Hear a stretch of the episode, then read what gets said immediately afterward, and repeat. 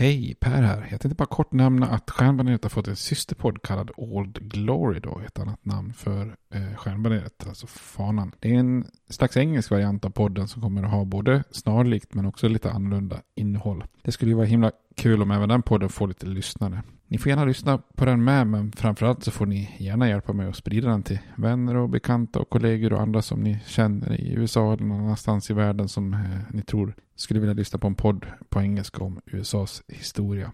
Tack, det var bara det jag ville säga. Nu kommer avsnittet. Hej då!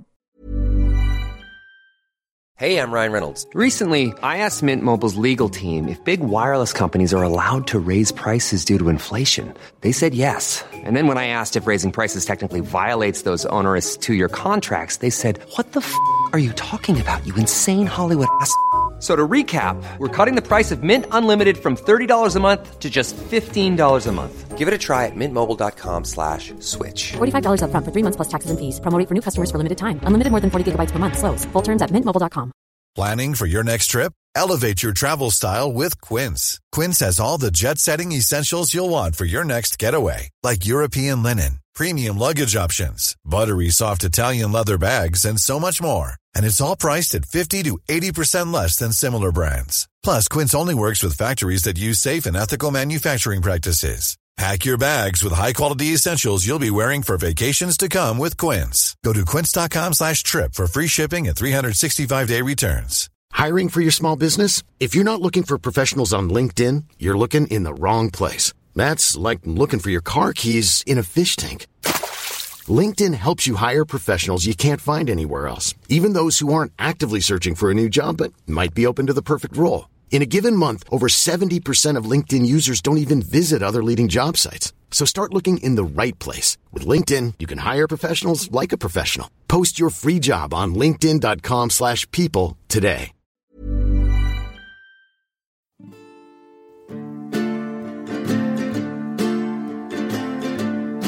We hold these truths to be self-evident, that all men are created equal, that they are endowed by their Creator with certain unalienable rights, that among these are life, liberty, and the pursuit of happiness. Now we are engaged in a great civil war, testing that government of the people, by the people, for the people, shall not perish from the earth. And so, my fellow Americans, ask not what your country can do for you, ask what you can do for your country. I have a dream my four little children will one day live in a nation where they will not be judged by the color of their skin, but by the content of their character. Mr. Gorbachev, tear down this wall. I did not have sexual relations with that woman, Miss Lewinsky. Då säger vi hej och välkomna till eh, podcasten Stjärnbaneret, en eh, podcast om amerikansk historia. Eh, hur är läget Robert? Det är bara fint. Bra. Vi tänkte vi skulle köra en kort bonusvariant här, som avsnitt här. Vi har ju fått en tittarfråga här från en trogen lyssnare här, Johan Husfeldt. Med I... tittarfråga menar du lyssnarfråga? Ja, precis. Nu säger jag fel. Lyssnarfråga måste vi såklart kalla det för. vi har fått en lyssnarfråga från Johan Husfeldt. Det är ju en, en bra kille som vi känner. Ja. Men det är alltid trevligt att få lite, lite frågor och lite funderingar. Det har kommit lite mejl och sådär, så det är kul. och vi, det var ju en bra fråga här som kan vara intressant att, att reda ut, men den kom ju för länge sedan. Vi har glömt bort det. Vi har tänkt att vi skulle få in den och så har vi missat den. Så vi kör lite extra bonus här kring det här. Men hans fråga är ju varför de amerikanska staterna är så tydligt uppdelade. Alltså raka gränser och rektangulära former. Och det ser man ju tydligt på, på en karta. Och det finns ju många olika förklaringar och många olika ex exempel. Jag tänkte kunna dra några då. Går man tillbaka till det vi har pratat mycket om i de här översiktsserierna, koloniseringen, så, eh, så hittar man en förklaring där. För att när kungen och hans myndigheter ger ut då rättigheter på 1600-talet så har man ingen aning om hur stort Nordamerika är i en öst-västlig riktning. Det har vi pratat om någon gång tidigare.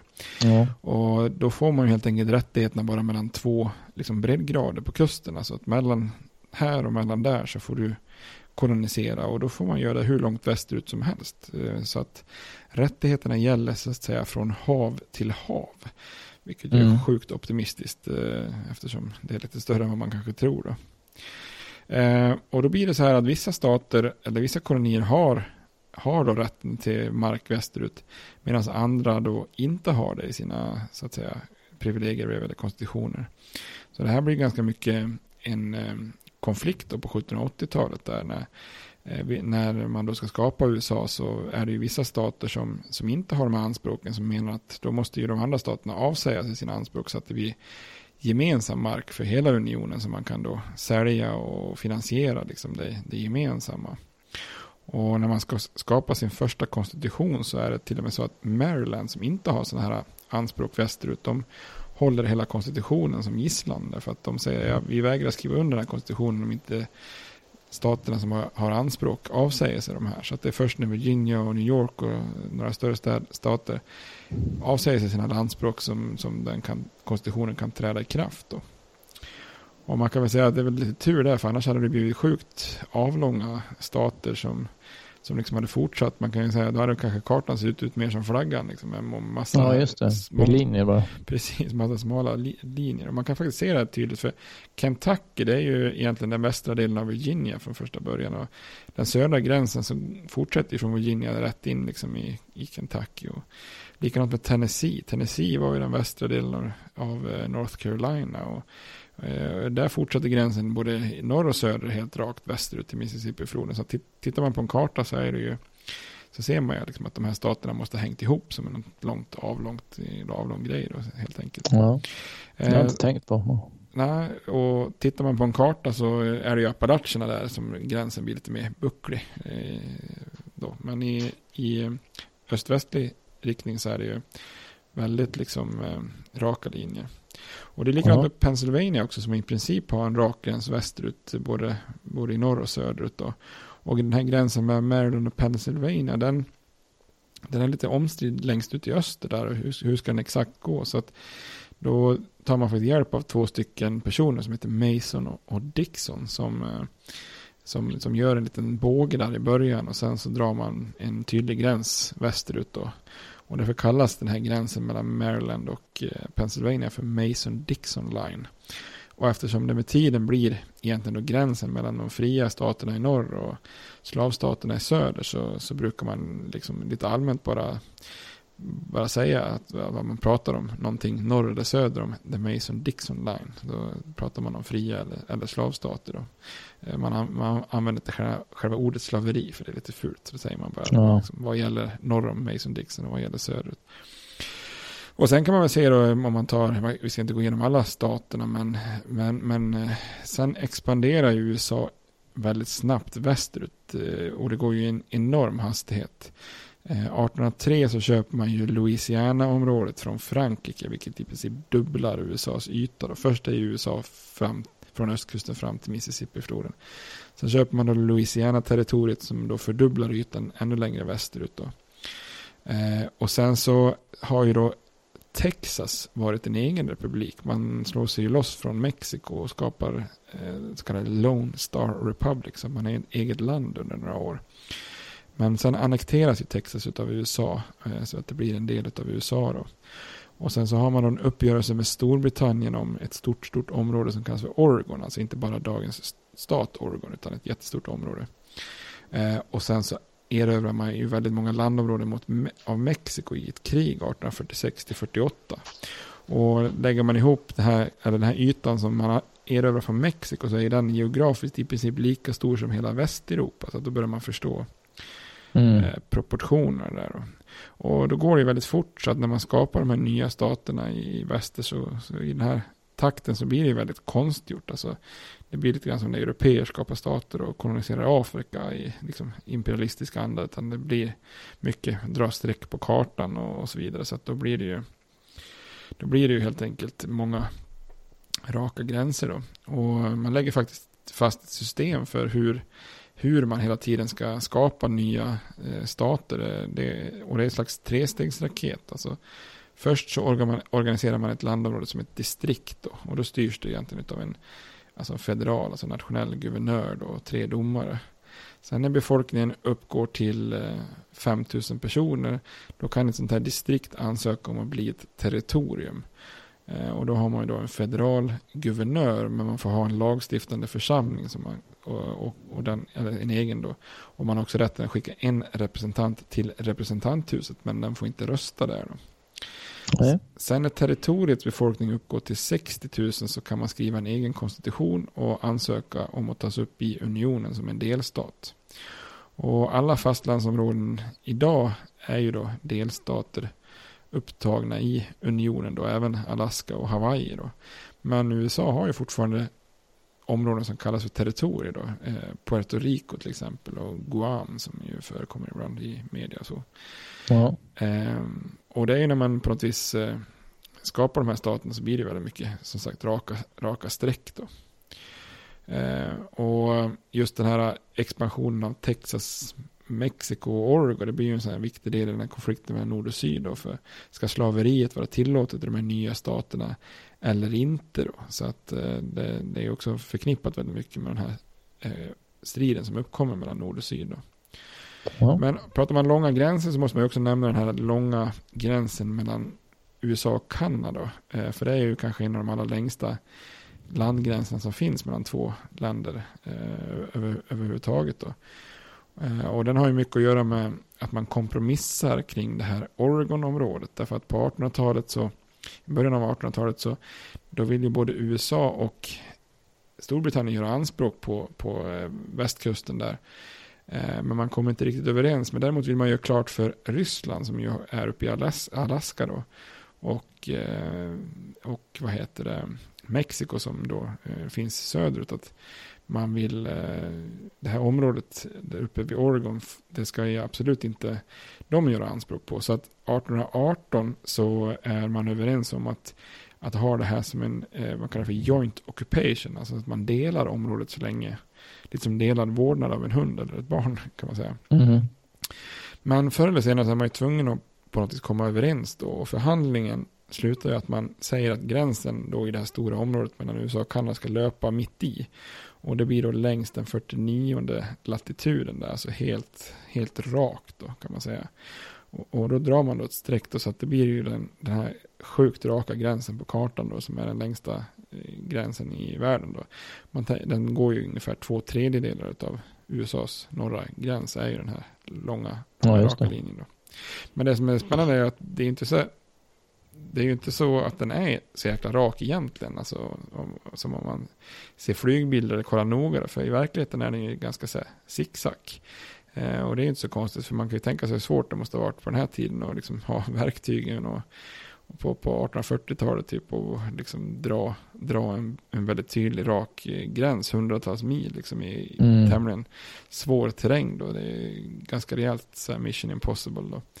Eh, och så fanns det ju så lite nybyggare här och där som man gärna så att säga, fångade upp så att de hamnar på rätt sida gränsen. Så, så gränsen svänger lite fram och tillbaka hit och dit för att fånga upp en, en by här och där på den amerikanska eller den kanadensiska sidan. Att den här byn vore inte så roligt med kanadensare om de hamnar i USA och tvärtom. Så, att, ja, ja. så, så det blir lite så här zigzag. Men när man zoomar ut så ser den ju, så ser den ju sjukt rak ut, eh, gränsen då. Ja. Och den här långa gränsen slutar ju ute vid Stilla havet då. Om man tänker sig på den amerikanska sidan har vi ju Seattle i, i eh, det som idag är delstaten Washington. Det är inte helt vid gränsen men det är den största staden på, på den amerikanska sidan då. Och den största staden på kanadensiska sidan är ju Vancouver. Eh, där mm. det OS var för inte så länge sedan.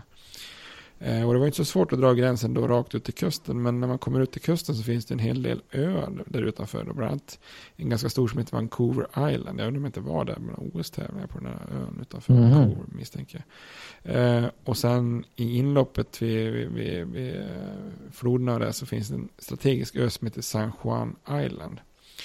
Och, och där var det lite svårare att dra gränsen och det blir lite otydligt. Och där blir det faktiskt en konflikt som nästan leder till krig mellan USA och Storbritannien som kallas för griskriget, Pig War. Mm. Och det är ju en spännande anekdot som jag tänkte vi skulle berätta här.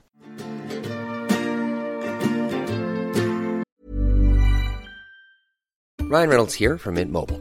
With the price of just about everything going up during inflation, we thought we'd bring our prices down. So to help us, we brought in a reverse auctioneer, which is apparently a thing. Mint Mobile unlimited premium wireless. Ready to get 30, 30, bit to get 30, bit to get 20, 20, 20, bit to get 20, 20, bit to get 15, 15, 15, 15 just 15 bucks a month. So, Give it a try at mintmobile.com/switch. slash $45 upfront for three months plus taxes and fees. Promo for new customers for limited time. Unlimited more than 40 gigabytes per month. Slows. Full terms at mintmobile.com. Everyone knows therapy is great for solving problems, but getting therapy has its own problems too, like finding the right therapist, fitting into their schedule, and of course, the cost. Well, BetterHelp can solve those problems. It's totally online and built around your schedule. It's surprisingly affordable too. Connect with a credentialed therapist by phone, video, or online chat, all from the comfort of your home. Visit betterhelp.com to learn more and save 10% on your first month. That's BetterHelp H E L P.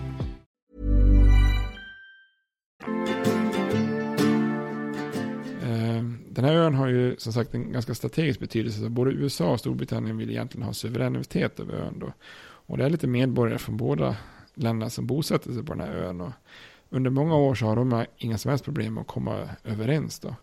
Men sen i juni 1859 så kommer det då en avgörande händelse. Då är det en gris som tillhör en eh, man som heter Charles Griffin. Som är en irländare som bodde på den brittiska delen av ön. Då. Han brukar låta sina grisar vandra omkring på ön lite så fritt. Då. Så att det är egentligen inte ovanligt i sig. Då. Men Mm. en dag så går en av de här grisarna in på en gård som tillhör den amerikanska bonden Lyman Cutler. Och när han ser grisen äta hans potatis så då blir han så arg så han skjuter den. Eh, jag vet inte, tycker du det är lite överdriven reaktion eller? ja, något kanske, men eh, jag, jag, kan förstå, jag kan förstå honom. Jag gillar inte heller djur, men jag skulle inte skjuta någon. Det tror jag inte. Nej, det beror på hur mycket man gillar potatis kanske. Man fick lite känsla där, släppa lös grisarna. Var det inte någon i Munkfors som gjorde det också? Eller om det var Hagfors. I jag samhället släppte han loss. Jag frågade varför han gjorde det. Kommer du ihåg det? Nej, jag kommer inte ihåg det. Ja, vad Han sjukt. svarade ju, nu får jag försöka härma värmländska då. Ja. Ja, Varför släppte du loss grisarna här i samhället? Jo, grisar är de ska leva de med. ja, ja, det, Ja, men jag tror inte någon av de grisarna blev skjuten i alla fall. Det tror jag inte. ja, men han Griffin sa i alla fall grisarna måste... Ja, han sa nog så. Jaha, men det höll på att bli krig över det där då. Ja, precis. För att det, de, är, de blir lite arga då för att den här um, Griffin han uh, kom ju ner då för att eh, ställa den här Cutler inför svars då.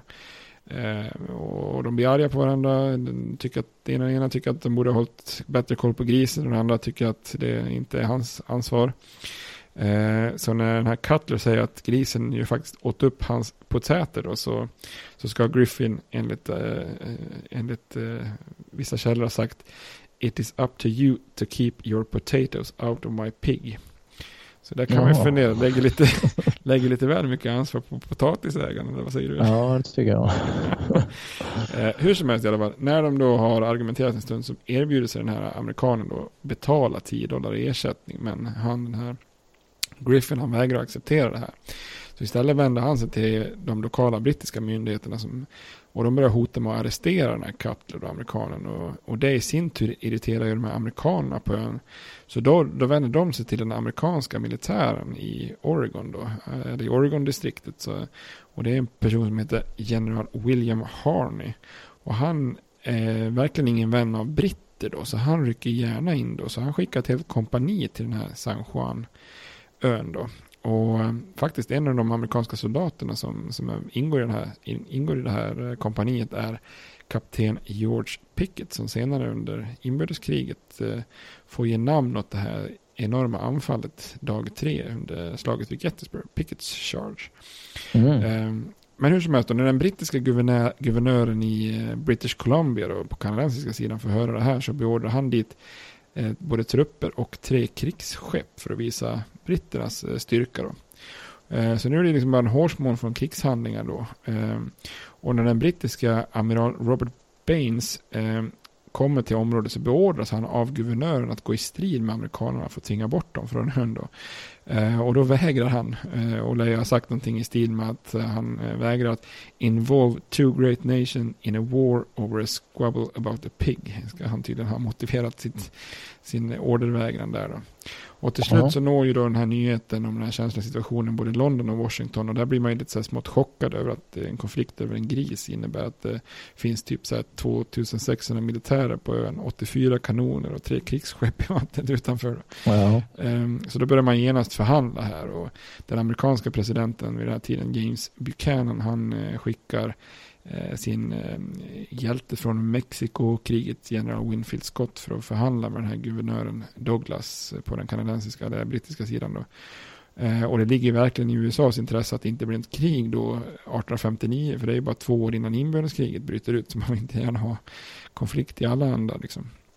Så det slutar med att man bestämmer att högst 100 personer från något av länderna får befinna sig på ön innan den här tvisten om ön har lösts. Då.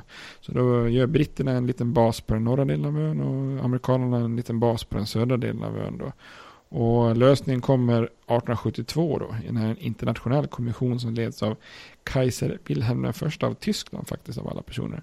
Eh, de kommer fram då till att ön faktiskt eh, ska vara amerikansk. Så Ja. än, än idag kan man faktiskt besöka de här två bevarade baserna, då, eller forten på, på San Juan då, eh, som bevaras som historiska parker. Då. Eller ja, man kanske Ja. inte kan åka dit just nu om de har sån här government shutdown, som Trump och Nej, Ja, nej. där som kongressen, eftersom de inte kommit överens om budgeten, för då brukar de här parkerna bli stängda ganska hastigt. Men eh, när man har löst den här government shutdown så kan man åka till San Juan och besöka det här. Och det är faktiskt den enda nationella parken i USA där en utländsk flagga hissas över amerikansk mark. Alltså Union Jack, den brittiska. Ja. Ja. Eh, och den, den flaggan och flaggstången har, det, bri- i det som är i det brittiska läget, har, har man fått då från Storbritannien som en vänskaplig gåva. Så att eh, allting eh, slutade till slut bra då. Men det här brukar kallas Ja. för Pig War eller Pig and Potato War. Eller Ja. San Juan-dispyten. Jag tycker Pig and Potato War är liksom nästan bättre för det är ju verkligen där det handlar om. Här. Ja. Gris och potatis. Ja, det var en liten eh, sån här djupdykning i en, händelse som kanske inte jättebekant för de flesta. Nej, verkligen. Du hade inte hört talas om den? Spännande. Nej, det hade jag inte. Spännande att vi hamnade där med själva lyssnarfrågan. Ja. Om, ja, det var ju för sig gränsdragning och regler och så. Men Precis. jag trodde inte att vi skulle hamna i ett griskrig. Vi får hoppas att Johan är nöjd med svaret. Både Ja. gri, grisar och gränser. Ja, får vi hoppas. Bra, men det var ett litet kort eh, bonus där. Ja, vi kan ju uppmana lyssnarna att om det är något ni undrar över eller något ni tycker vi borde gå igenom eller förklara mer så får ni jättegärna skicka in era frågor. Verkligen. Och vart gör man det Per?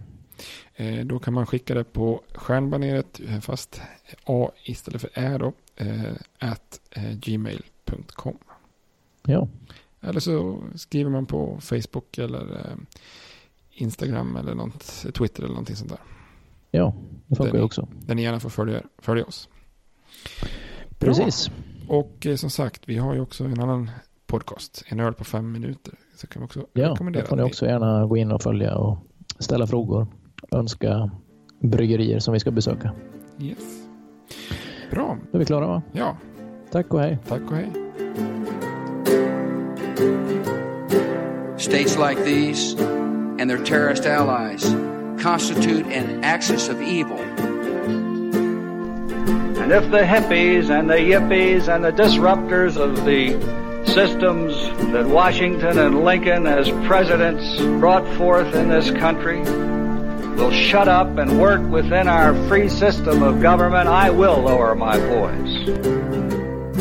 if the impeachment provision in the Constitution of the United States will not reach the offenses charged here, then perhaps that 18th century Constitution should be abandoned to a 20th century paper shredder. Therefore, I shall resign the presidency effective at noon tomorrow.